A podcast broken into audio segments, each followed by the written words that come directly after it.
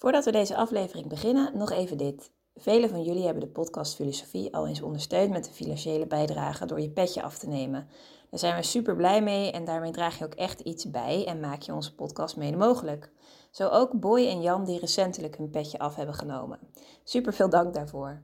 En wil jij ook als trouwe luisteraar ons een steuntje in de rug geven en ervoor zorgen dat we nog lang door kunnen gaan? Kijk dan op petjeaf.com slash podcastfilosofie. Daar vind je alle info en bijdragen kan al vanaf 3 euro per maand. En het biedt ook leuke extra's op, zoals bijvoorbeeld toegang tot onze bonusafleveringen. Maar voor nu, veel plezier met deze aflevering.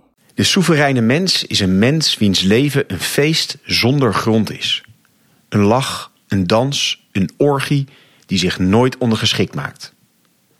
Op deze manier drukte de Franse filosoof Georges Bataille uit dat al onze nutsoverwegingen en doelstellingen uiteindelijk doorspekt zijn met een verspillende, ontregelende energie. Welke rol speelt verspilling in onze economie? Wat is het verschil tussen soevereiniteit en autonomie? En wat hebben kunst, erotiek en ramadan voor Bataille met elkaar te maken? Over deze vragen en nog veel meer gaan we het de komende drie kwartier hebben. De gast is Henk Oosterling, de denker die centraal staat, Bataille.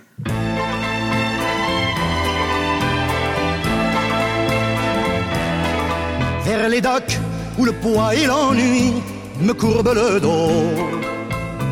Dag, goed dat je weer luistert naar een nieuwe aflevering van de podcast Filosofie van het Centre Erasme, School voor Filosofie in Frankrijk, Vlaanderen en Nederland. Mijn naam is Allard Amelink en als trouwe luisteraar ken je het concept ongetwijfeld een hoofdgast, een presentator en een sidekick. En in ongeveer 45 minuten duiken we in het denken van één filosoof. En naast mij zit Kees Wijstra. Dag Allard. En ik denk dat we met recht vandaag weer eens over het uitzicht zouden moeten hebben. Zeker, zeker. We kijken hier uit op de Erasmusbrug Kijk. in Rotterdam. En waar zitten we, Kees? Uh, het Noordereiland. Ja, niet de kop van Zuid. Niet de kop van Zuid. Henk nadrukkelijk. Daar uh, zat Kees even naast, maar dat, uh, dat geeft ja. niks. We zijn te gast bij Henk Oostling. Henk deed de Pabo en studeerde later filosofie, linguïstiek en Japans in Leiden en Rotterdam. En promoveerde in 1996 op het werk van de Franse differentiedenkers. Tot 2018 was hij werkzaam als universitair hoofddocent filosofie aan de Erasmus Universiteit. En nou ja, naar het Rotterdamse credo is het bij Henk niet alleen maar woorden, maar ook daden. Hij ontwikkelde taalmethodes voor voor gastarbeiders in de jaren 70. Was betrokken bij het Pact op Zuid, waar hij onder andere met straatjongerengroepen werkte. En hij richtte in 2007 Rotterdam Vakmanstad op. Om in het curriculum van het gehele onderwijs ecosofie een plek te laten krijgen. En ook leuk om te vermelden, in 1983 werd hij Nederlands kampioen Kendo, een Japanse zwaardvechtkunst. Moet ik dat zo noemen? Zo is dat, ja. Nou, kijk, heel goed. Keurig naamwoord. Ja, mooi. En doe je nog steeds aan Kendo? Nee hoor, alleen uh, in de mind. Oké. Okay. En in de pen. En voor de rest zit het zo in je lichaam dat je daar wel heel veel baat bij hebt elke dag. Ja. Mooi. Ja. En we gaan het met uh, Henk niet hebben over Kendo, maar over Georges Bataille. Uh, Frans schrijver, literair criticus en filosoof, geboren in 1897.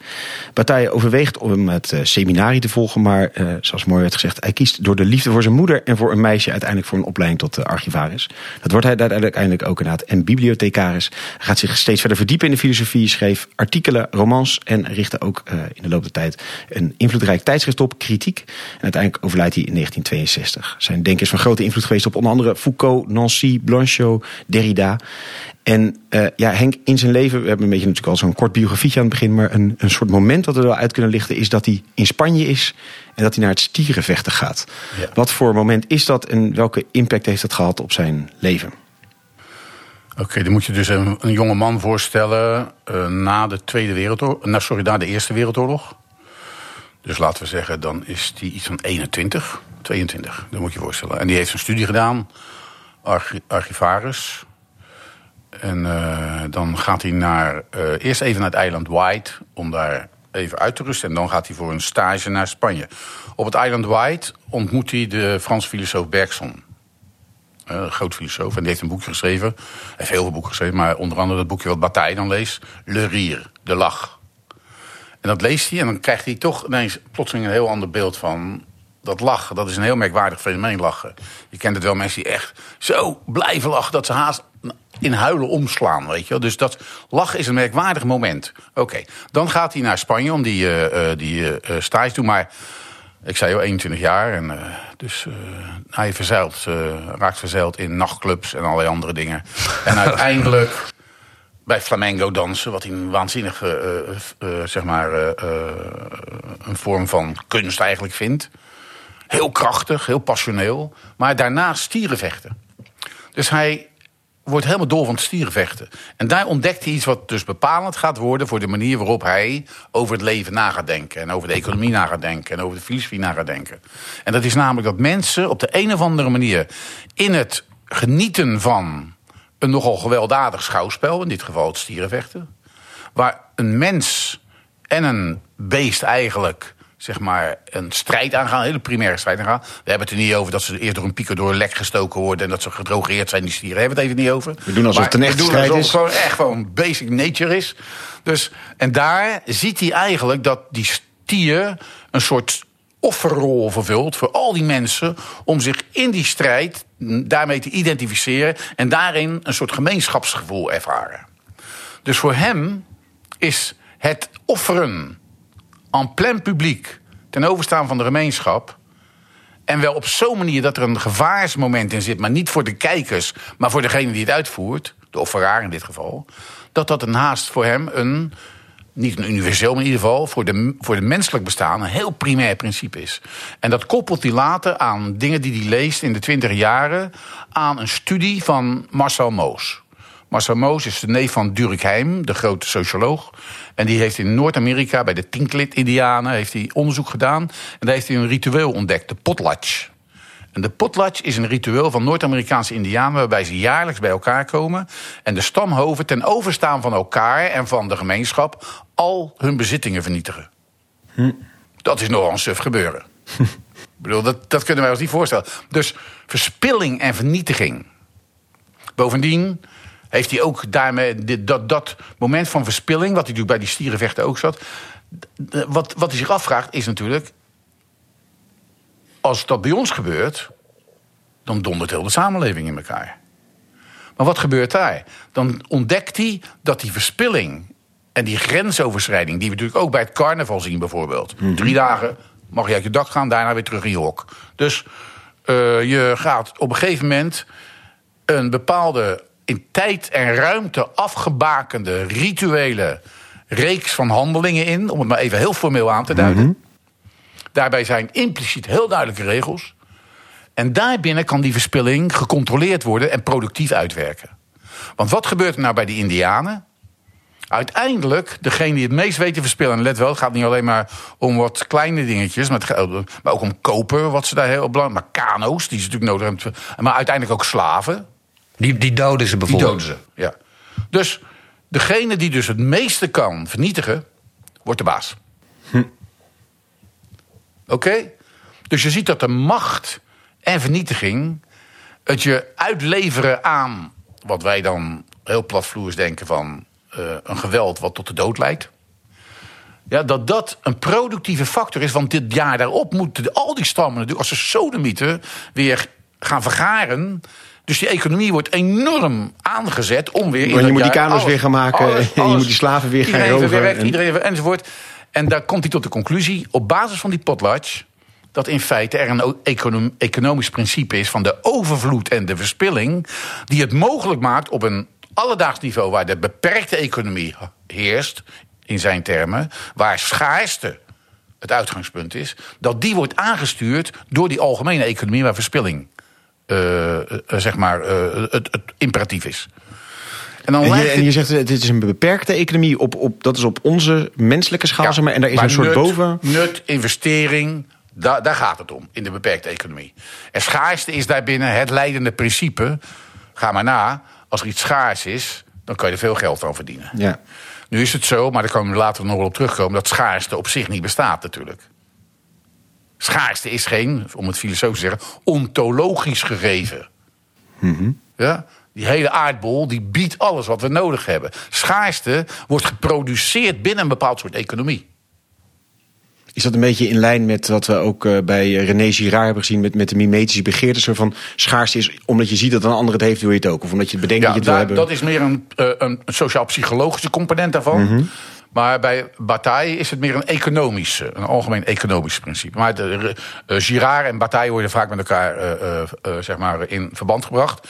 En die kritiseren elkaar, vooral Girard, omdat hij, omdat hij iets later zit. Omdat Girard toch wel vanuit een soort nutsfunctie denkt. Terwijl bij Foucault, eh, sorry, bij, bij Bataille gaat het echt om om een principe waar de collectiviteit uiteindelijk zeg maar, centraal staat en het individu een functie is van die collectiviteit. Gemeenschapsdenken, met andere woorden. Dus het moderne individualisme, wat natuurlijk afstand doet van die gemeenschap en wat eigenlijk zichzelf autonoom waant in zijn verhouding tot zijn behoeftes, tot zijn begeertes, tot zijn wensen. Tegenwoordig preferences, maar dat, daar zit al een algoritme achter. Maar bij die, bij die behoeften, daar zit eigenlijk een economie achter met reclames. En bij die, zeg maar, die, eh, die, die, die wensen of dat verlangen van mensen, daar zit een hele lange traditie van denken achter. Een discours wat door het christendom bepaald is. Dus wat wij sowieso denken dat heel vanzelfsprekend van ons is, heeft een hele lange historische ontstaansgeschiedenis. Oké, maar niettemin, in de moderniteit wordt daarmee gebroken en het individualisme en de emancipatie van het individu staat centraal. Het denken van Bataille is eigenlijk een poging om die restanten van dat oude denken, om die niet weg te schuiven, maar om te zien hoe die twee zich tot elkaar verhouden. En dan noemt hij zeg maar dat, dat verspillende, overschrijdende, wat wij in ons hebben. En let wel, daar hoeven we niet zo ver voor te kijken. Dus als je goed even kijkt waar wij eigenlijk onze centen mee verdienen, dan heet dat gewoon de speculatieve, zeg maar, eh, kapitaalstromen. Dat heet gewoon aandelen, investeren. Dus hoeveel je investeert, hoeveel heb je er weer over? Dat is natuurlijk iets wat zeg maar, eh, uiteindelijk zich moet terugbetalen. Dat is de beperkte economie. Ja. Maar het feit dat mensen in die poging ook een ervaring krijgen van een spanningservaring. En het spel wat we nu op televisie met alle lotto's en alle casino's krijgen. Of het feit dat zeg maar, mensen in hun hele leven naar de hoeren zijn gegaan... waar ze excessief overschrijden. Maar wat wel getolereerd is en dus het mogelijk maakt voor een samenleving... om te functioneren, omdat al die energieën heel productief ingezet worden... en heel, heel afgebakend in tijd en ruimte een uitlaatklep vormen... dat is waar Bataille het over heeft. En, en dat, je zegt nou, die beperkte economie, die zie ik vormen. Dat is eigenlijk onze eh, dagdagelijkse economie. dat, en ja. en die algemene economie is die economie van die verspilling en van dat, Maar die dat. Alex. Ja, en duidelijkheid. in deze voorbeelden hoe jij de Oekraïne beoordeelt. Maar ik zie daar dingen gewoon verrot geschoten worden... en ge- eh, ge- eh, neergezet worden met raketten, met houwitsers. Oorlog is voor Bataille een collectief fenomeen... waarbij dit soort eh, energieën, die eigen zijn aan de mens... onproductief worden verspild.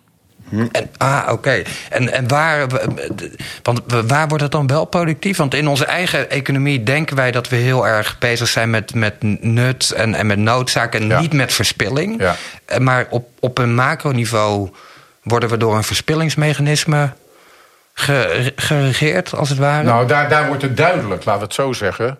Eh, kijk, eh, de begrotingen van de huidige regering, de coalitieakkoorden, daar zaten miljarden in. Hè? Ik, weet, ik weet niet of, of jij het ooit meegemaakt hebt dat er 75 miljard voor milieu uitgetrokken wordt, of klimaat uitgetrokken wordt. Als we dit gedaan hadden in 1972, 1986, 1996, misschien zelfs nog in 2015, dan had het wel snel opgeschoten. Maar het feit dat wij nu dat zomaar aan de kant schuiven... en die miljarden moeten nu naar de Oekraïne... omdat natuurlijk een heel andere een defensie moet op peil gebracht worden. Kijk, dit soort denken in dit soort termen... die bedragen, die, het gaat niet over geld, het gaat over kapitaal en vermogen. Dat is geen geld. Dus dit soort denken met die enorme bedragen... daar zit natuurlijk een verspillingselement in... wat we niet als zodanig zien... Maar wa- wat daar wel doorheen werkt, op het dagelijks leven precies hetzelfde. Ik bedoel, iedereen wil na de COVID weer normaal. En normaal betekent uit je dak gaan in een party. Die parties, dat zijn voor mensen uitlaatkleppen. En dat is niet een marginaal verschijnsel, daar wordt waanzinnig veel aan verdiend. Net zoals die casino's, net zoals paardenrennen, net zoals alle gokzaken. maar bijvoorbeeld, hoeveel kost niet een, eh, een eh, mooi gouden ringetje? En wat is dat in godsnaam, dat goud? Ja. Wat is het? Ja, en eigenlijk zeg je dus, maar, maar waarom noemt Bataille dat allemaal economie? Want je zou kunnen zeggen, bijvoorbeeld bij oorlog, dat is een soort eh lompe oorlogszuchtigheid, een gewelddadigheid. En dat is na het economisch niet logisch. Waarom noemt hij dat wel een soort algemene economie? Je zou kunnen zeggen, dat is gewoon lompheid. En dat is economisch niet handig. Nou ja, even zo te lompheid is een kenmerk op het psychologische niveau. Mhm. Ja? Wij praten nu op een structureel economisch niveau. Dus ik weet niet welke economie lomp is, maar ik denk dat dat dan. Ze hebben, dus dat zijn eh, verschillende regimes. Ja, hij kijkt er gewoon louter economisch naar en zegt dan is, ja, dan is oorlog, even los van of je het bruut vindt of niet, is het gewoon een verspillingsfactor. Maar kijk nou naar carnaval. Carnaval onderbreekt de dagelijkse economie door de totale verspilling vier dagen of drie dagen toe te laten. Ja? Dat is ooit begonnen bij de Romeinen, waar de keizer een bedelaar werd en de bedelaar een keizer. En dat is in de middeleeuwen voortgezet. En dus uiteindelijk is dat zeg maar geïnstitutionaliseerd als carnaval. In Rio vallen er altijd wel een aantal doden, behoorlijk wat. Dat is hevig carnaval. In Nederland is het natuurlijk veredeld midden, middenstandsfeest, want het is helemaal in de beperkte economie getrokken. Ja. Maar toch is daar op het psychologisch niveau voor mensen een soort excessiviteit ervaar- ervaarbaar die mensen dichter bij elkaar brengt. Ja, plotseling kan dat alles. excess Ja. is dus gemeenschapsstichtend. Ja. Wat je nu ziet in, in, in, in Rusland is het excess is gemeenschapsstichtend. Ja. Rusland wordt weer op de kaart gezet.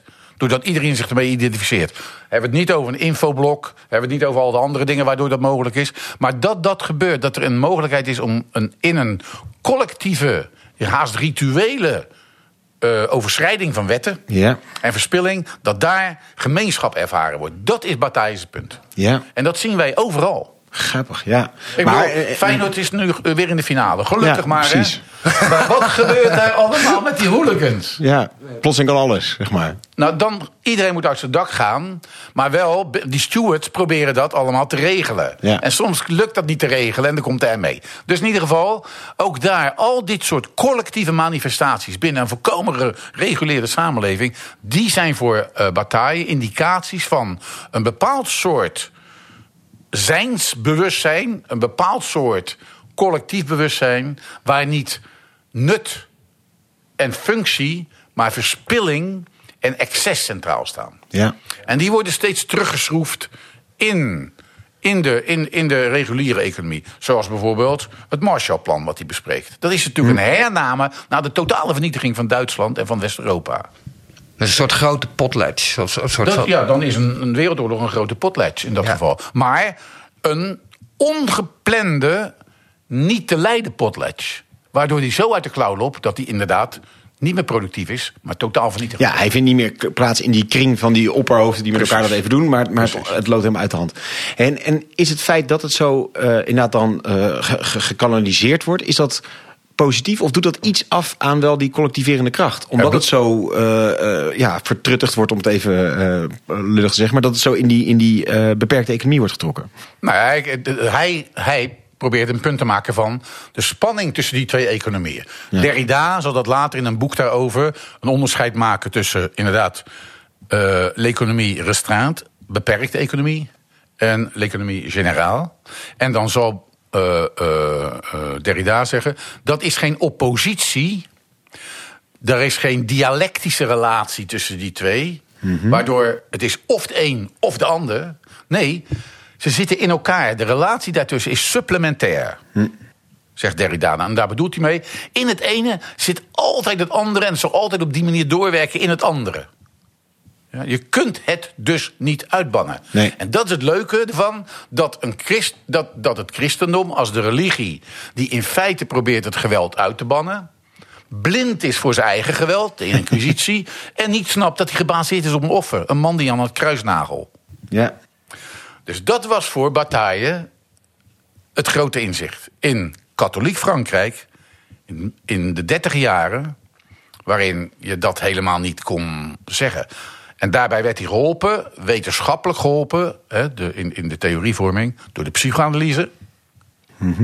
Maar ook door allerlei historische studies die uitkwamen... over het Inca-rijk, over Tibet... En, en die Marcel Mauss dus. Marcel Mauss zit iets eerder, in de 20 jaren volgens Ja. mij. Dus die zit daar, de- de- daar pakt hij dat dan op. Ja. En hij begint, Bataille begint eigenlijk zijn schrijvers, eh, eh, zeg maar, eh, activiteiten zo rond 26, 27. En let wel, we praten hier over een, een oeuvre van 12 delen, oeuvre compleet verzameld werk. 12 delen van allemaal iets van 600 pagina's, 700 pagina's. Ja? Dus het is niet iemand die er eventjes wat optekent. Nee, nee, dus hij is heel zijn leven bezig geweest om die gedachten voortdurend weer te actualiseren en te hernemen. Voor de Tweede Wereldoorlog, in de Tweede Wereldoorlog, in de Koude Oorlog en in 62 sterft hij dan. Maar als je zegt dat, dat, dat, dat verspilling, zeg maar, de, eigenlijk onze economische betrekkingen reguleert, wat, eh, want wij zouden denken: nee, het is eh, efficiëntie, nut. En, en, en we, we, we proberen dat juist niet te doen. Tenzij we de rapporten gaan lezen en kijken wat ermee gebeurd is. En dan moeten we altijd weer tot de conclusie komen dat het project drie keer zo duur is geworden. Zoals de metro in Amsterdam. Of dat het helemaal niet gelukt is. Of dat er een, een of andere lulsmoel verzonnen is om het ergens anders. Het lukt nooit. Dat is het punt. Ja. Alleen er is een hele kleine schaal waar je causaliteit nog een beetje kan organiseren. En lineair denken en progressief denken nog een beetje kan organiseren. En daar lijkt het te lukken. Ja. Maar kom op, get real. Kijk nou naar dit, dit zoveelste kabinet Rutte. Ja? De mond vol uiteindelijk van klimaat had iedereen door. En er gebeurt iets in de Oekraïne wat niemand bedacht heeft. En al die budgetten zijn van tafel in één keer. Vlots. Dus hoe bedoel je? Nut en efficiëntie.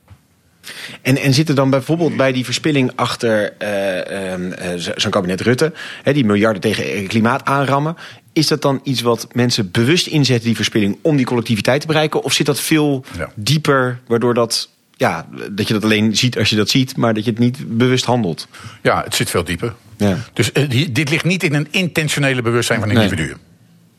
Het intentionele bewustzijn van individuen, daar waar het woord autonomie thuis hoort, is een functie van deze beweging. Dat betekent niet dat we allemaal op dezelfde manier erin staan. Uiteindelijk bij Bataille komt natuurlijk zeg maar de gedachte op dat wij, om hier zicht op te krijgen en daarmee om te gaan, één ding in eerste instantie moeten doen. Namelijk dat wij in onszelf, ik zou dan zeggen tussen elkaar, dat geweld, die overschrijding en die speelzucht hebben. En dat wij het elke dag ervaren op die manier. Dan noemen wij dat de menselijke natuur. Dan gaan we naar de psychiater als het niet meer werkt. En dan proberen we weer zelfregulering te krijgen. En dan kunnen we weer een tijdje er tegenaan. Maar dus het erkennen als ontologische basis. Wat zowel doorwerkt bij staten, als bij organisaties, als bij individuen. Die ontologische erkenning van die supplementaire spanning tussen verspilling en nut. Dat is eigenlijk de basisgedachte bij Bataille. Het individu wordt daarvan uit geanalyseerd. En niet zo van eh, top-down, ga ik eens kijken hoe ze dat... Nee, gewoon door concrete studies... waar die eh, eh, op basis van historische studies... maar ook psychologische studies, sociologische studies... laat zien dat dat op die manier meer verklaring biedt voor een samenleving. Bijvoorbeeld de opkomst van fascisme in Duitsland in 1933... waar hij dan over schrijft. Ja? Dat dat veel meer verklaart dan die ja, die, die sociologische, eh, dus de menswetenschappelijke verklaringen die uitgaan van de rationele mens.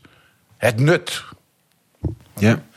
Dus voor hem is dat niet, voor hem is niet verspilling primair en nut secundair. Voor hem is de spanning tussen verspilling en nut primair.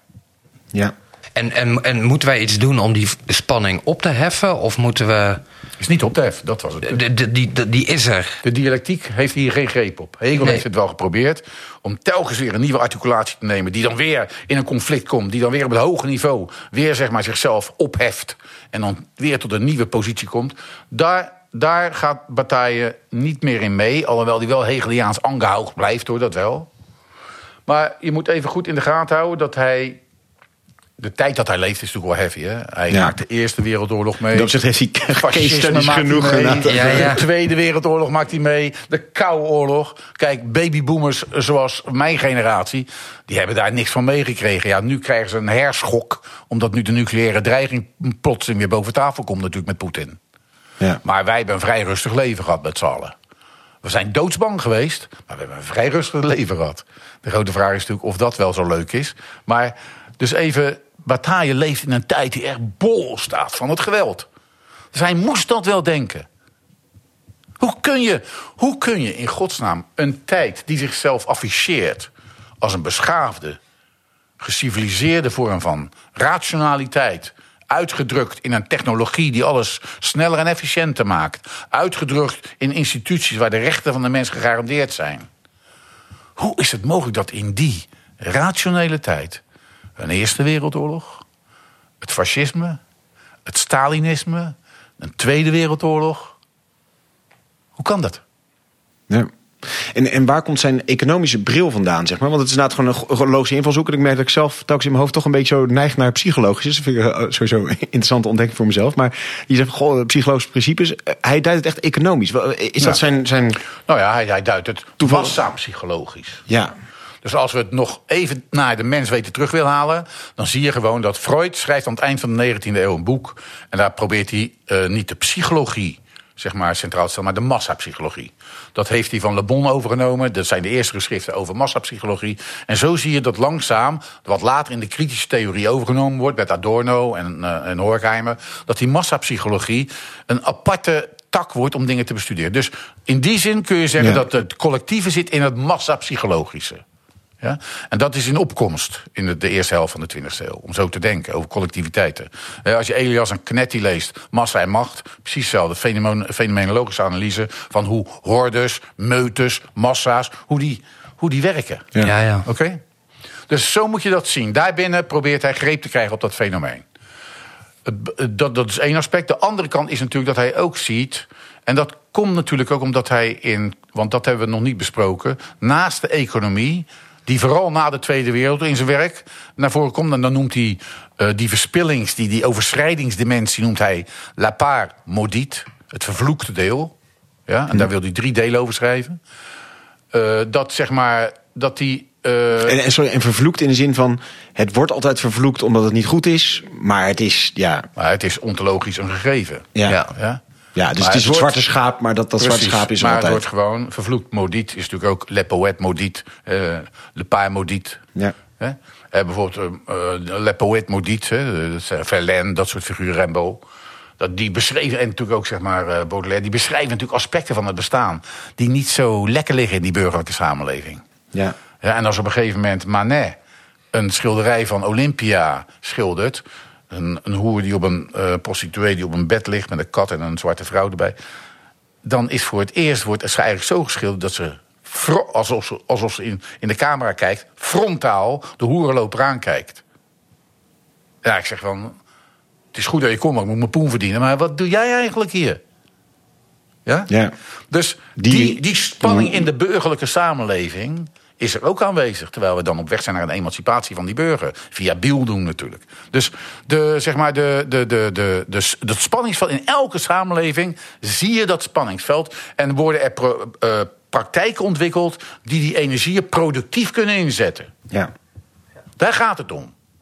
Op het moment dat wij dat, ons dat niet bewust zijn van die vervloekte dimensie in onze psyche, de vervloekte dimensie in ons maatschappelijk rijlen en zeilen, de vervloekte dimensie in onze economische, eh, eh, eh, in onze economische praktijken, dan kan het wel zo zijn dat wij daardoor achterhaald worden en plotseling dingen doen die we niet meer onder controle hebben en gewoon pek. Dus we, mo- we moeten Individueel stileren. niveau. Hè? Ja, je moet het stileren. Maar op individueel niveau en op collectief niveau. Nou ja, laten we zeggen, het individuele niveau. Niemand kan iets stileren op individueel. Want stileren is een relationeel gebeuren. Ja. Ja, dus het is altijd tussen mensen waar die stilering, waar dat design plaatsvindt. Maar dat snappen wat je net zei, zeg maar. Is dat dan dat er een individu uitklapt? Of kan dus ook een hele samenleving eruit klappen? Nou ja, die klapt er dan uit. Ja. Bij, Ja. bij een individu betekent dat dat hij zijn eigen verslavingen niet meer aan kan, bijvoorbeeld. Want hij had een heel fantastisch verhaal over zichzelf. Dat hij het helemaal onder controle had, toch? Ja. Was toch helemaal geen probleem? En toen ineens, tok. Ja, dan heb je altijd nog die jellyneck natuurlijk. Ja. Maar je begrijpt dan tok. Ja. En die jellyneck is ook een onderdeel van het hele... de Weer, weer terugtrekken in een normale... Precies, precies. Maar waar het dus om gaat, is echt bij Bataille... is dat dat besef... Dat, en dat noemt hij dan een soeverein besef. Niet een autonoom bewustzijn. Dat dat soevereine besef van krachten die groter zijn dan jij... maar die wel van jou zijn, omdat het in jouw lichaam zichzelf articuleert... dat je daar een vorm voor moet vinden met andere mensen. Historisch zijn daar vormen voor aangeleverd. Nou, eh, carnaval is ook niet meer wat het is, zou ik maar zeggen. En eh, door de regulering van de veiligheidssamenleving en de surveillance is er ook niet zo heel veel meer mogelijk. Je moet dus ook nadenken over. Die surveillance, is dat niet uiteindelijk de dood in de pot? Los van het feit dat de pri- pri- private gegevens zo op straat komen te liggen en je overal gecontroleerd wordt. En als je drie keer door stoplicht loopt, op een gegeven moment je burgerrechten kwijt kan raken. Even los daarvan.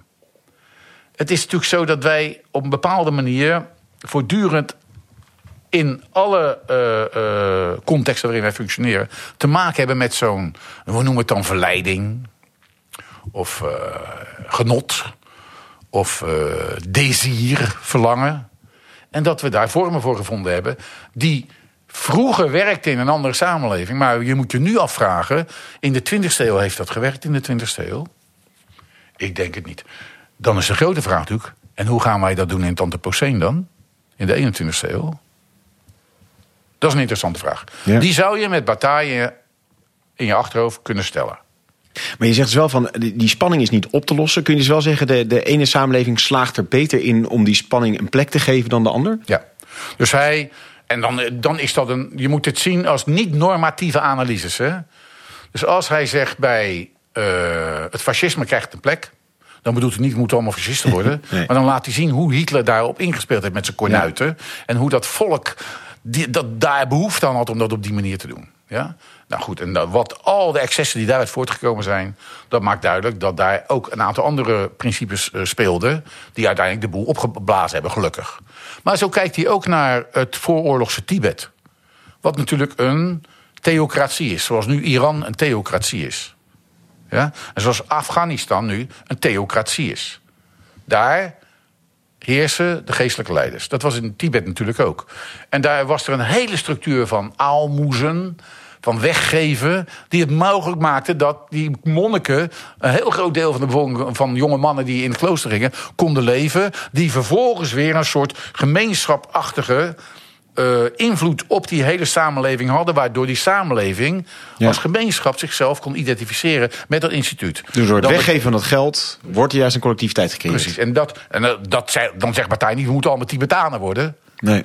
Zij tegenwoordig lijken in een volstrekt onschuldig soort naïviteit... is die Dalai Lama voor heel veel mensen plotseling... een soort verzetsheld geworden van... maar let wel, het is wel een theocratie. Dat hij binnen de niet-theocratie... met dat theocratische verspillingsargument wat hij eigenlijk heeft... een stem heeft, dat lijkt me ook wel voor de hand liggen. Ja. Maar lees Mathieu Ricard. Weet je wel? Die over compassie schrijft, altruïsme schrijft. Een Fransman die gepromoveerd is in de biofysica volgens mij. En dan eh, op een gegeven moment eh, naar Tibet gaat na zijn eh cum laude zeg maar, promotie. En nooit meer terugkomt. En dan wordt hij op een gegeven moment gewoon de persoonlijke tolk van, eh, van de Dalai Lama. Enorme wetenschappen, waanzinnig veel goede boeken geschreven. Veel, veel westerse en oosterse wetenschap bij elkaar. Meditatie met een heleboel zeg maar, neurofysische effecten die, eh, effecten die allemaal gemeten worden. Waar allerlei andere dingen ook duidelijk worden. Ik bedoel, dat is Tibet nu in exile. Ja, maar het Tibet zoals het was, was natuurlijk een theocratie. Ja. Maar dus dat analyserend in La Paix Maudite, het boek met gelijknamige titel uit 1949, laat hij zien dat daar de spanning van verspilling en functionele gemeenschappelijkheid aanwezig is. Daarbij roept hij natuurlijk altijd de vraag op. Maar hoe moet het dan voor onze samenleving? Dat is natuurlijk altijd Ja. de laatste politieke vraag die hij En, stelt. en, en wat is ons gemeenschapsstichtende verspillingsritueel? Heeft u daar iets over gezegd? Want in, in Tibet zijn het die kloosters, die theocratie. En Dat is wat ik net noemde. Dat dus zeg maar, de westerse samenleving allerlei marginale praktijk heeft ontwikkeld. Van het casino, eh, de prostitutie, tot en met oorlogsvoeren tot een bepaalde hoogte. Tot eh, zeg maar de. eh, ja, wij, wij zouden het nou nu zeggen. De ongelimiteerde vreedcultuur. ja. De all you can eat sushi restaurant. Ja, je geniet en nog een beetje meer. Ja, dus, ik bedoel, dit is heel makkelijk al overal zeg maar, Ja. aan te wijzen. Maar en, en reclame eh, wijst natuurlijk ook heel vaak op op deze mateloosheid van ja, grenzeloos genieten en zo zeg maar. Dat, dat geval allemaal die, die, die eh, appelleert allemaal aan dat, dat mateloze, ja. Dan kan even alles. Maar let wel, als je zegt grensloos, dan ben je met. Of je hebt de grens afgeschaft. En als je hem niet afgeschaft hebt, gaat het over grensoverschrijding. Ja. Dat kun je ook zeg maar, ontwikkelingspsychologisch positief duiden. Dat is namelijk je eigen grens overschrijden om jezelf te verbeteren en meer jezelf te worden. Nietzscheaans. Dus in die zin heeft het natuurlijk iets, appelleert het aan een vooruitgangsoptimisme. Ja. Maar in die vreedcultuur waar het nu geïmplementeerd wordt, zie ik dat niet echt, echt Nee. terugkomen. Nee, nee. En let wel, obesitas is wel een van de belangrijkste problemen die wij op dit moment hebben. Ja. Ja? Dus daar wordt het onproductief. Ja, dan heeft het niet meer dat gemeenschapsstichtende, eh Precies. heilzame karakter daarin, zeg maar. Precies. En als je dan even actueel teruggaat naar de Ramadan. dan snappen wij dat de Ramadan binnen de moslimcultuur. Ja. een productieve vorm is van ascese. die het mogelijk maakt dat mensen zich bewust zijn van waar ze in de rest van het jaar mee bezig zijn. Ja. Ja? En even, Even, en dan zingen we het even los van alle andere problematiek. Precies. Ja. Even terug naar dat individuele niveau, want daar, daar daar hebben we twee keer een beetje aan geraakt. Dat verschil tussen die soevereiniteit en die autonomie. Zou, zou je daar nog wat meer over kunnen vertellen? Want je hebt twee keer even zijdelings geraakt en toen waren we ergens anders geraakt. Dus eh, de, de analyses over het vervloekte deel worden dus voor een gedeelte op macro, politiek, macro-economisch niveau ingezet door hem. Staten. Ja. Maar hij buigt dat in de Tweede Wereldoorlog terug naar het, laten we het even simpel noemen, het intentionele niveau van individuen, het psychologisch niveau. En daar gebruikt hij ook het woord soevereiniteit. En dat is eigenlijk, zeg maar, een eh, project wat hij uitvoert eh, in de Tweede Wereldoorlog. En daar schrijft hij drie boeken. Het eerste is eh, La Part Maudite in opzet. Het tweede is een boek over Nietzsche, sur Nietzsche heet dat. La volonté de chance, de, de wil tot het toeval. Ja? En daar brengt je het naar, binnen naar een krachtenveld wat in mijn lichaam en in mensen zit. Dus dan zie je dat de soevereiniteit een kracht wordt. Ik vind, het woord, ik vind het woord in altijd zo moeilijk, omdat ik niet geloof dat er in mensen iets zit. Nee. Maar laat ik het nog even toch hanteren. Dat zit in mensen, die kracht, en die pareren wij met autonomie. Greep erop krijgen op die krachten. Ja. Wat Kant noemt heteronoom en autonoom. Dat heteronome, als je dat doordefinieert en wat Freudiaans aansaust, zou ik maar even zeggen, dan krijg je dus drift-economie. Economie van het verlangen. En daar zijn al die Fransen mee bezig. Deleuze, Guattari, Foucault, Derrida, Nancy, zijn allemaal daarmee bezig. Christeva, Irigaray, Rosi Baidrotti, allemaal daarmee bezig. Oké? Dus de, de, de, de, de economie op dat psychologische niveau, daar haalt hij ook het woord soevereiniteit eh, eh, binnen. Maar dan is dat voor hem eigenlijk. Dat wordt haast mystiek dan, hè?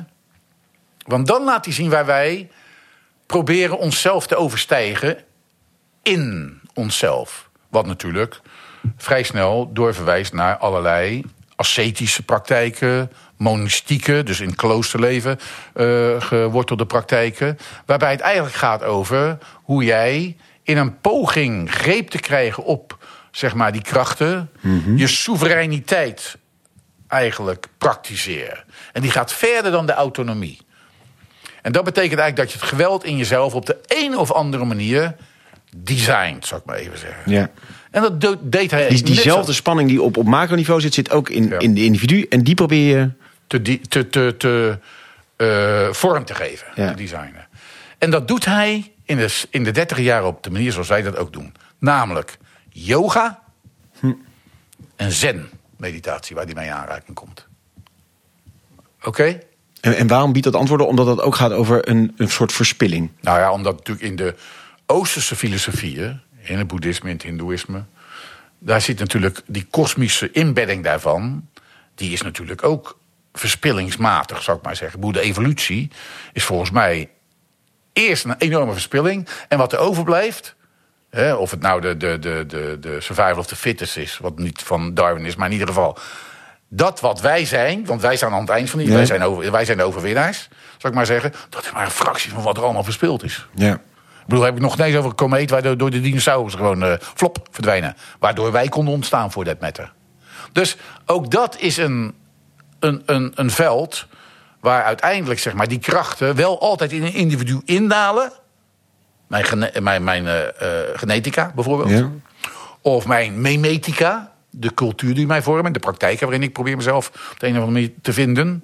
Nou, de- die praktijken en je op zoek gaan naar jezelf, dat neigt dan bij hem ook naar die Oosterse eh, praktijken waarbij yoga en zen centraal komen te staan. Hij leest ook in die tijd die boeken. Hij, hij doet het ook. En daar, da- dan wordt die soevereiniteit, dus die, dat spanningsveld tussen verspilling en blijven bestaan, wordt dan een soort, ja, met Foucault zou je dan haast moeten zeggen, zelfzorg, self-care. Ja? Dat wordt dus een heel ander. En dat zit ook bij Foucault erin, als hij later, eh, zeg maar, Bataille hier in zijn werk meeneemt.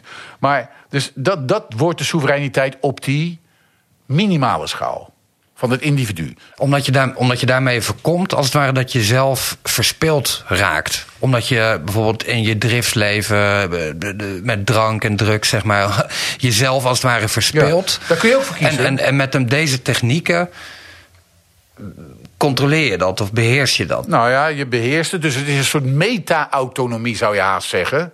Die over de soevereiniteit heen gaat. Zo kun je het zeggen. Ja. Ja? En dat geldt ook op het macroniveau. Ga maar na. Als je zegt verspilling is de motor van de, eh, van de eh, economie... dan is er altijd wel, als ik dan college gaf over partijen... altijd wel een hele slimme student die zegt... ja, maar meneer, dat betekent dus dat die spilling uiteindelijk toch nuttig is. Ja. Oké, Ja. dat is echt heel knap gedacht. Want op een metaniveau is die verspilling natuurlijk nuttig in de zin van dat die gemeenschap stichtend is. Ja. Dat maakt het nuttig. Maar het is niet van dezelfde orde als de implementatie van nut. Nee. Het is van een totaal andere orde. Ja. Maar het is een, het is een, een, een, een negatieve kracht. Nee, die- zelfs dat moet je denk ik loslaten. Het is niet negatief of positief. Het is een ontologisch gegeven. maar het is wel een vernietigende kracht. Als je het aan zichzelf overlaat, dan kan dat behoorlijk vernietigend zijn. Ja. En niet alleen voor jou, maar voor je omgeving. En Ja. uiteindelijk kan. Kijk, eh, we weten allemaal dat Poetin, zeg maar, daar zit toch wel een steekje los. Dus wij zitten te gokken op de psychopathologie van Poetin. Hoeveel risico lopen wij dat hij uiteindelijk toch die knop in gaat drukken? Als niemand hem tegenhoudt. Daar zie je dus dat het geopolitieke immens van verspilling en het micropolitieke, zal ik het maar even noemen, van verspilling, raken elkaar op een bepaalde manier in de figuur van Poetin. Ja. Dus als jij macht hebt, kun je op een gegeven moment deze dingen gaan dan door elkaar lopen. Er is een uitstekende studie. Ik heb eh, iets van tien jaar ben ik met seriemoordenaars bezig geweest om dat te bestuderen. En ook in Amerika. Nou, op een gegeven moment kwam er een studie uit van een eh, hoogleraar psychiatrie, denk ik. En die had uitgevonden dat eh, profielen van. En dat is van afvinken. Tak, tak, tak, tak, tak, tak. De profielen van seriemoordenaars verbijsterend, verbijsterend eh, parallel lopen met die van CEO's. Geen empathisch vermogen. Ja? En allerlei andere kenmerken. Gewoon volkomen los kunnen zingen van een context. En gewoon eh, logisch doorzetten. Wat er ook aan doden vallen, maakt niet zoveel uit. Dus niet geëngageerd denken. Geen empathie met de groep waar het over gaat. Of het moet die aandeelhouders zijn, maar er zal ook nog wel wat eh, psychopathologie in te vinden zijn. Maar dus, dat is natuurlijk wel heel vreemd. Dat in die samenleving dit soort kenmerken blijkbaar jou tot een eh, geslaagd CEO kunnen maken. Ja. Dus wij hebben een samenleving opgebouwd waarbij dit soort soevereine aspecten nog steeds gevierd worden. En we eigenlijk, de, de, als het fout gaat, we dat als een soort ja, eh, marginale afwijking zien. Nee, je moet omdraaien. Je hebt gewoon een structurele manier van de wereld benaderen. En daarmee pas je uitstekend in dat systeem, dat onderdrukkende repressieve systeem van het top-down denken. En kun je successen. Als je, het niet ja, als je het niet controleert en je gaat meisjes binnenhalen in je huis. Waar dan de president ook langskomt en de prins van Engeland. Ja, dan heb je wel een probleem. Dan wordt het moeilijk. Ja. En, en je zegt hij is niet normatief op het gebied van samenleving. Hij zegt gewoon meer, joh, eh, weet veel, in auto- theocratisch eh, Tibet werkt het, in eh, fascistisch Duitsland werkt het. Eh, beschrijft u op individueel wel, niveau wel normatieve dingen voor? Zoals die yoga en zen zegt hij van, joh, dat, dat zou inderdaad mensen helpen. Of de Ja. een is beter in staat om hem, die, die kracht op een goede manier te kanaliseren dan de ander? Dat kun je eruit halen, maar hij is ook geen eh, psychotherapeut. Nee. Hij is een filosoof op dat moment. En in die zin past hij wel op zichzelf toe. Want als je, filosoof, als je het niet op jezelf toepast, dan ben je echt helemaal niks. Ik bedoel, dat je niet op de samenleving toepast, dat tot daar aan toe. Maar als je niet op jezelf eh, toepast, dan heeft dat filosofische...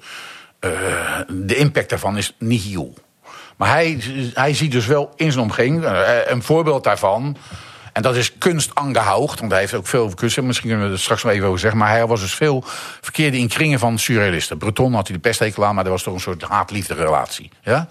Maar hij heeft heel veel in Document, het eh, tijdschrift wat hij met Karl Einstein opricht in eh, 29 volgens mij. Heel veel over kunst geschreven. Over Dali, over Picasso, over Miro. Heel veel. Ja? Dus hij heeft echt, en dan in de 50 jaren schrijft hij een boek over het oeuvre van Manet. En over Lascaux.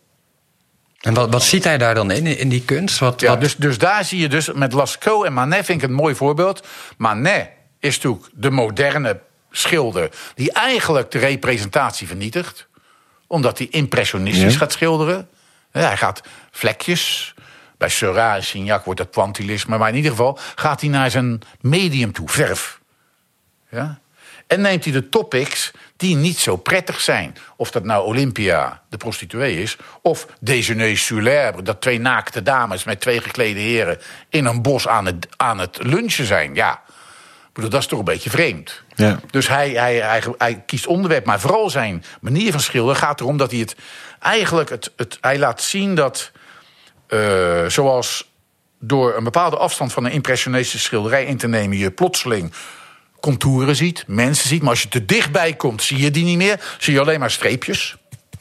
Ja? Nou, die juiste afstand, waardoor die twee, het krachtenveld wat amorf is... en de gearticuleerde identiteit van het beeld wat je schildert... die afstand, die zie je, die wordt zeg maar uitgeprobeerd bij Manet... om te kijken hoe ver hij daarin Kan gaan eigenlijk, ja. Waardoor hij echt een, een revolutie in het schilderen tot stand brengt. Dat heet Ja. impressionisten. Dat is de ene kant. Lascaux is voor hem, wat in, in eh, eh, eh, 56 komt het uit volgens mij... Daar schrijft hij eigenlijk over de schilderingen in Lascaux... en vraagt hij zich af, wat is de geboorte van de kunst? Want de kunst hangt met hem, voor hem samen met de homo sapiens. Dus de mens, inherent aan de mens, is een verbeeldingskracht... die wij voor het eerst zien in Lascaux. Lascaux is 20.000 jaar voor Christus ongeveer. Let wel, de homo sapiens komt pas 40.000 jaar voor Christus... in Lascaux binnen, omdat er glaciaal trekt zich terug. Waardoor Europa bewoonbaar wordt, bereisbaar wordt. Eh, Je kunt erheen trekken als jagerverzamelaar. En uiteindelijk, 200.000 jaar geleden, is pas die Homo sapiens ontstaan ergens in Afrika. En de, in de 10.000 jaar, 100.000 jaar daarvoor zijn nog andere, liepen 11 homo, homoniden rond.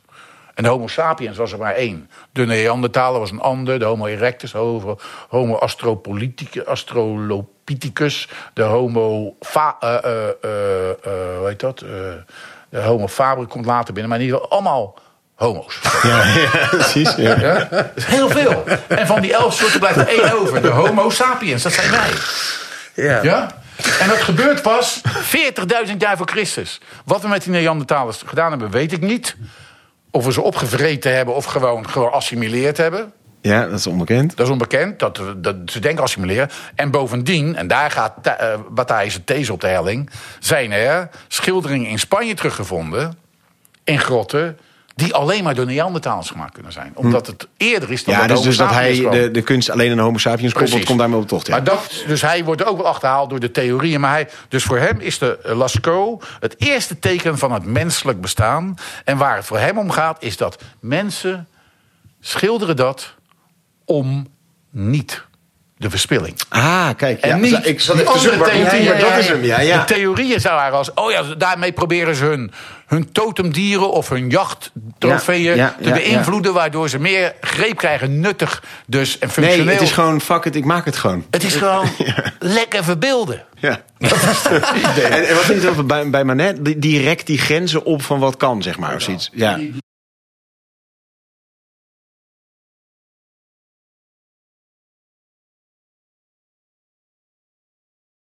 Ja. Maar ik, ik dacht dat je zou gaan zeggen dat, dat, hij, dat, hij, dat, hij, dat hij in die kunstenaars zag dat, dat mensen in staat zijn vormen aan te Ja, brengen in zo. amorfe. Maar dat is zo. Dat geldt dus voor. Manet, dat geldt voor Dali, voor Picasso, voor Miro. Dat geldt voor de eh, Homo sapiens in Lascaux.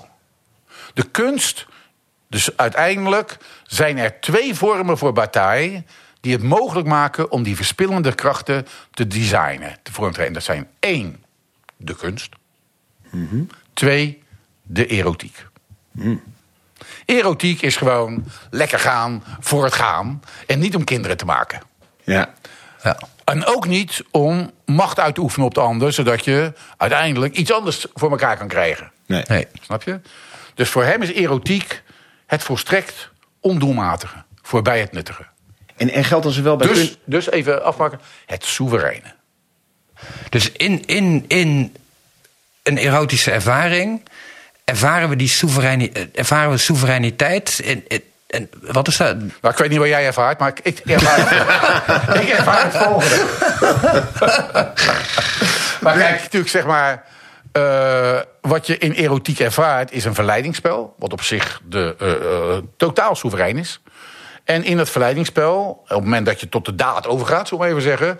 ja, die krachten die groeien, die groeien. En dan is een samenspel waar je op een gegeven moment denkt van... eh, ik heb hier geen greep meer op. En als je dat goed organiseert, en de ander ook... allebei geen greep, no problem at all. ja? Ja. Dus snap je, de soevereiniteit articuleert zich in het geordende verlies. Zelfverlies. En daarom heet het in Ah, ja. Frans la petite mort. Dat is het orgasme. Ja. Ah, ja. En, en, en nog even, want, en wat is dan dat, die autonomie in, in contrast met die Nou, soevereiniteit? die autonomie is van, eh, nou, eh, dat is een leuk Even kijken, als we nou zo doen. Zo, we, eh, Dat een berekenende? Etentje, een bos bloemen meenemen. Misschien een zonsondergang met het strand. Dan gaan we zo en zo. En dan, eh, dan gaan we nog even koffie drinken. En Dat is allemaal beperkte economie. ja. Ja. En dat is dat autonome en die soevereine Daar is, is is, is, die verspilling. aan het nemen, eh, aan het manipuleren, eh, proberen zijn voordeel eruit te halen. Dat is de beperkte economie. Het zou ook kunnen zijn, als hij zijn zin krijgt, of als zij zijn haar zin krijgt, dat in dat spel plotseling dingen gebeuren waarvan die denkt: shit, maar dat was niet de bedoeling. Ja. Ja. En, en je kunt dus ook zeggen, als het alleen maar eigenlijk op reproductie gericht is, dan is het dus inderdaad ook helemaal eigenlijk in dat domein van Ja. die, die beperkte economie getrokken. Dat is eigenlijk waar later Foucault met zijn geschiedenis van de seksualiteit op inzet. Ja. Het discours wat de erotiek zeg maar helemaal functioneel maakt. En eh, zeg maar Ja, dus- inzet voor de dus biopolitieke ja. manipulatie van bevolkingen. Ja, en de kunst geldt natuurlijk hetzelfde, denk ik, voor, van, ja, eh, eh, voor propaganda ingezette kunst verliest ook dat. Alles komt uiteindelijk wel een keertje in die beperkte economie terecht. Wanneer Andy Warhol in The Factory uiteindelijk zeg maar, met die rare dingen van hem bezig is, maakt hij die ene van Marilyn Monroe. En die is nou voor Ja. 180 miljoen verkocht. Dat uit zijn dak gaan daar zo van Warhol met al die gasten die eromheen hingen. Al die, waar, waar ook eh, zeg maar, mensen als Lou Reed langskwamen... en op een gegeven moment eh, de Velvet Underground uit voortkomt... en allerlei die muziek, eh, al die scenes, dat, dat parallel, dat, dat, dat, dat, dat mondt nu uit in een veiling... waar voor één zo'n ding 180 miljoen gegeven wordt. Oké? Ja, en daarmee is, is, eh, ja, kun je eigenlijk misschien wel weer zeggen dat de koper haast wel weer in zijn, zijn verspilling gaat zitten. Maar Ga nou naar de, 1960, naar de 60 jaren. Neo Dada, Neo Duchamp en Edny Warhol. Iedereen zei, een beetje burger zei... die vent is knettergek, wat is die dan? Moet je kijken, wat dit nou? Ja, niet te geloven. 180 miljoen. De burger moest even wachten. Ja? 180 miljoen. Ja. 60 jaar later. Oké? Dus het gaat er niet om dat het gescheiden... Nee, het gaat door elkaar heen. ja, Het is supplementair. Je kunt het een niet denken zonder het andere. Nee. Maar dat andere blijft als een soort subversieve kracht in het andere doorwerken. Zo blijft nut, efficiëntie onder de verspilling aanwezig, blijft insisteren. En onder de nut en efficiëntie blijft de verspilling en het excess insisteren. ja. Maar kun, je dan, maar kun je toch niet zeggen dat hij toch wel op zoek is naar een soort van ideaal... waarbij die soevereiniteit een soort van ideale vorm is... waarin je meebeweegt met, ja, met zo'n krachtenveld of Nee. zo? Dat, Nee. dat, dat- zo kun je dat niet Hij zien? is in die zin eerder Nietzscheaan dan Hegeliaan.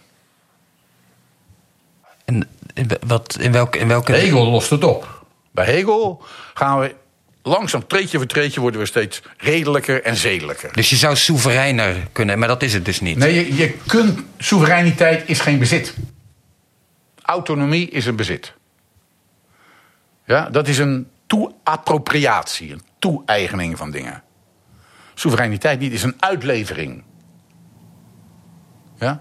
Dus de soevereine ervaring is een openstellen voor krachten. Zonder dat je daar bang voor bent, zonder dat je daar iets mee wil mee, doen. Maar daar ga je het experiment in van die krachten. Erotiek is voor hem een experiment van die krachten. Kunst is voor hem een experiment van die krachten. ja, en uiteindelijk is ook zen en yoga wat we eerder hoorden. Ja, voor hem wel in de dertig jaren. Op het, op het psychologische niveau. Ja, ja. Hey, en tot slot denk ik, eh, als je dan kijkt naar onze hedendaagse tijd, de, de, de vraagstukken rondom ecologie. In zekere zin is dat ook dat wij ja, woekeren met. eh, eh, dat we maatloos omgaan met de, de, de, bronnen die we hebben. Daar zijn we ook enorm aan het verspillen. Hoe, kijkt Bataille daar tegenaan? Of hoe zou die daar tegenaan kijken? ja, bij Partij is dat nog niet echt een issue. Nee, nee daar maar gaat hij te vroeg als voor je dit doortilt met dit begripapparaat naar de huidige situatie kijkt, dan is er wel degelijk wat over te zeggen. Kijk, het is natuurlijk merkwaardig dat wij in het vooruitgangsoptimisme wat wij hebben, uiteindelijk via de technologie zo'n situatie gecreëerd hebben. En zeg maar met uh, zeg maar het uh, beroep doen op die fossiele brandstoffen, dat dat tot vernietiging en tot totale uh, ondergang leidt. Het hele idee van de, het einde van de mens, of het einde van de soort, dus de zoveelste extinctie, waar René ten Bos een boek over geschreven heeft. Dat is natuurlijk ook zeg maar, zo'n zo beweging. Maar ik denk dat je dat. Uh, dat is de reden waarom ik ook op een gegeven moment filosofie. min of meer de term filosoof en filosofie ingeruild heb voor ecosoof en ecosofie.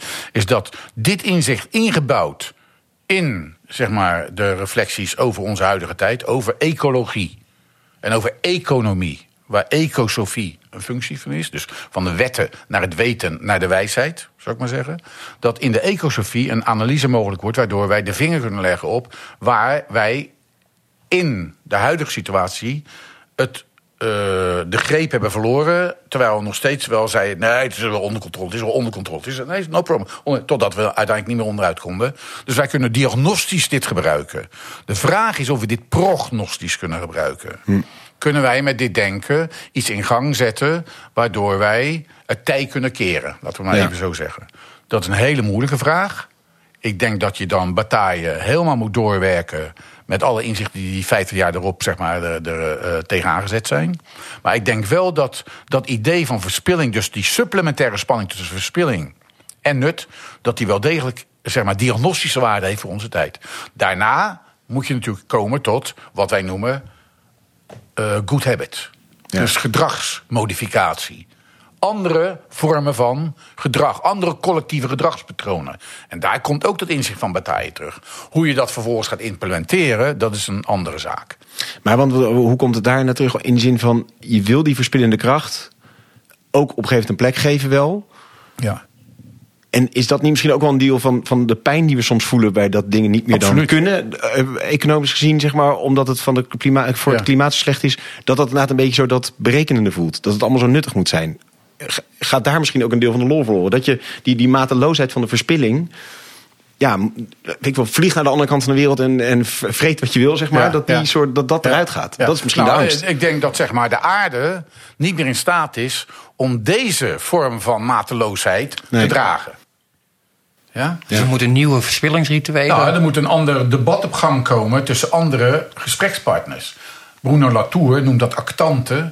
En die geeft voice aan landschappen, aan de aarde, Gaia, aan whatever. Dus wat hier duidelijk wordt, is dat hier een heel ander heel andere communicatie ingezet moet worden. En wij vormen moeten, moeten vinden waarbij, waarbij we dus rekening houden. En dat is een nuttig en efficiënte manier van denken, rationele manier van denken. Om uiteindelijk die ontketende uh, uh, verspilling. Om die op de een of andere manier, voor zover we nu binnen de klimaatadaptatie kunnen denken, om die opnieuw vorm te geven. Ja. Sorry. Dus daar, daar en, en, dan komt zeg maar tegen bataille komen allerlei andere dingen aan die niet bij bataille hoeven weg te halen. Ja. Maar het is wel zo dat, dat zeg maar de, de ultieme uh, verklaringsgrond van waar wij nu in verzeild zijn geraakt, die kan ik wel batailliaans denken. Hm. Ja. ja. Dankjewel Henk. We begonnen bij de 21-jarige Georges Bataille die uh, ja, een, een, een stierengevecht zag. En uh, ja, in gang gezet door Bergson. En dacht over het, de lach. De lach die, die zo excessief kan zijn dat hij in huilen kan omslaan. Hij ziet dat stierengevechten en ziet daar mensen genieten van geweld. Het is een, een primaire strijd waar er een soort offerrol plaatsvindt. Met een soort priester die dat offer uitoefent. Die gevaarsmoment heeft. En waar vervolgens een collectiviteit, een gemeenschapsgevoel wordt gecreëerd. En vervolgens duikt hij de literatuur en ziet hij bij onder andere uh, Marcel Moos de, de Potslash, het, het, uh, de riten in Amerika, waarin indianen bij elkaar gaan zitten en op een gegeven moment hun leider verkiezen door de vernietiging van hun bezittingen. En wie het meest weet te vernietigen, wie het meest weet kapot te maken tot aan essentiële kano's en slaven aan toe, die wordt de nieuwe leider. Um, hij ziet dus dat de rol van vernietiging, van iets grensoverschrijdend, van verspilling een hele dominante kracht is die aan de ene kant bestaat, versus een soort meer georganiseerde, beperkte economie, waarin die dingen heel erg gekanaliseerd zijn. Hij zegt, we moeten een, je ziet in deze cultuur dat er een soort afgebakende reeks van rituelen is waarin verspilling een plek kan vinden. Hij scheidt dus als, als soort twee niveaus. De beperkte economie, waar de schaarste is, waar het nut is, waar het telkens berekend wordt, waar er ook een soort sterke vorm van controle is. En het vervloekte deel, de algemene economie, waar de verspilling is, het excess, het overschrijden. Maar waar er een, een soort onproductieve kracht is, die uiteindelijk wel collectiverend werkt. En veel van zulke soort culturele uitingen, zoals dat stierenvechten, zoals um, uh, die, die, die, die indianen die bij elkaar zitten, um, uh, maar ook bijvoorbeeld carnaval, dat zijn dus uitlaatkleppen waarin iets van die algemene economie wordt ingezet, maar goed gekanaliseerd wordt om die verspilling, dat excess, een vorm te geven. Um, uiteindelijk zie je wel dat heel veel van die verspilling terecht weer komt in die beperktere economie. Dus uh, carnaval is inmiddels in, een, uh, in allerlei kroegen uh, in het hele land. En daar worden allerlei grote acts opgetuigd om daar veel geld aan te verdienen. Dus het wordt heel snel toch in die nut- en noodzaakhoek getrokken. Maar uiteindelijk kunnen die twee elkaar niet oplossen. Die beperkte economie en die algemene economie. Die kracht van die verspilling blijft er. En er is ook altijd die kracht van die meer ordening en het nut denken. En het is dus ook niet uit te bannen. Denk aan het christendom, die willen geen geweld, geweld uitbannen, geweldloosheid, maar blind voor de eigen excessen in bijvoorbeeld inquisitie uh, of wat er in Zuid-Amerika allemaal gebeurd is. En ook blind voor het feit dat er een, eigenlijk een offer, een excessief geweldsoffer aan de basis van het hele geloof staat. Um, die verspilling is niet intentioneel. Het is niet dat het uh, even expliciet, expliciet wordt ingezet om lekker de, te verspillen. Nee, eigenlijk gebeurt het niet intentioneel. En dat zie je bijvoorbeeld ook wel in onze economie. Ook daarin gaat er zoveel miljarden worden uitgegeven. En bijna nooit is dat één op één weer te herleiden tot waar het allemaal ooit voor ingezet is, dat geld. Nee, het is een soort mateloosheid die daarin zit. En um, op een hele kleine schaal kun je er controle op hebben. Maar op die grote schaal gaat het altijd over die verspilling. Die verspilling is dus op dat macroniveau, maar die is ook in onszelf. Het is iets ontologisch. En het is dus niet dat die twee krachten de een de ander kan overwinnen. Nee, het is ontologisch een spanning tussen verspilling en nut.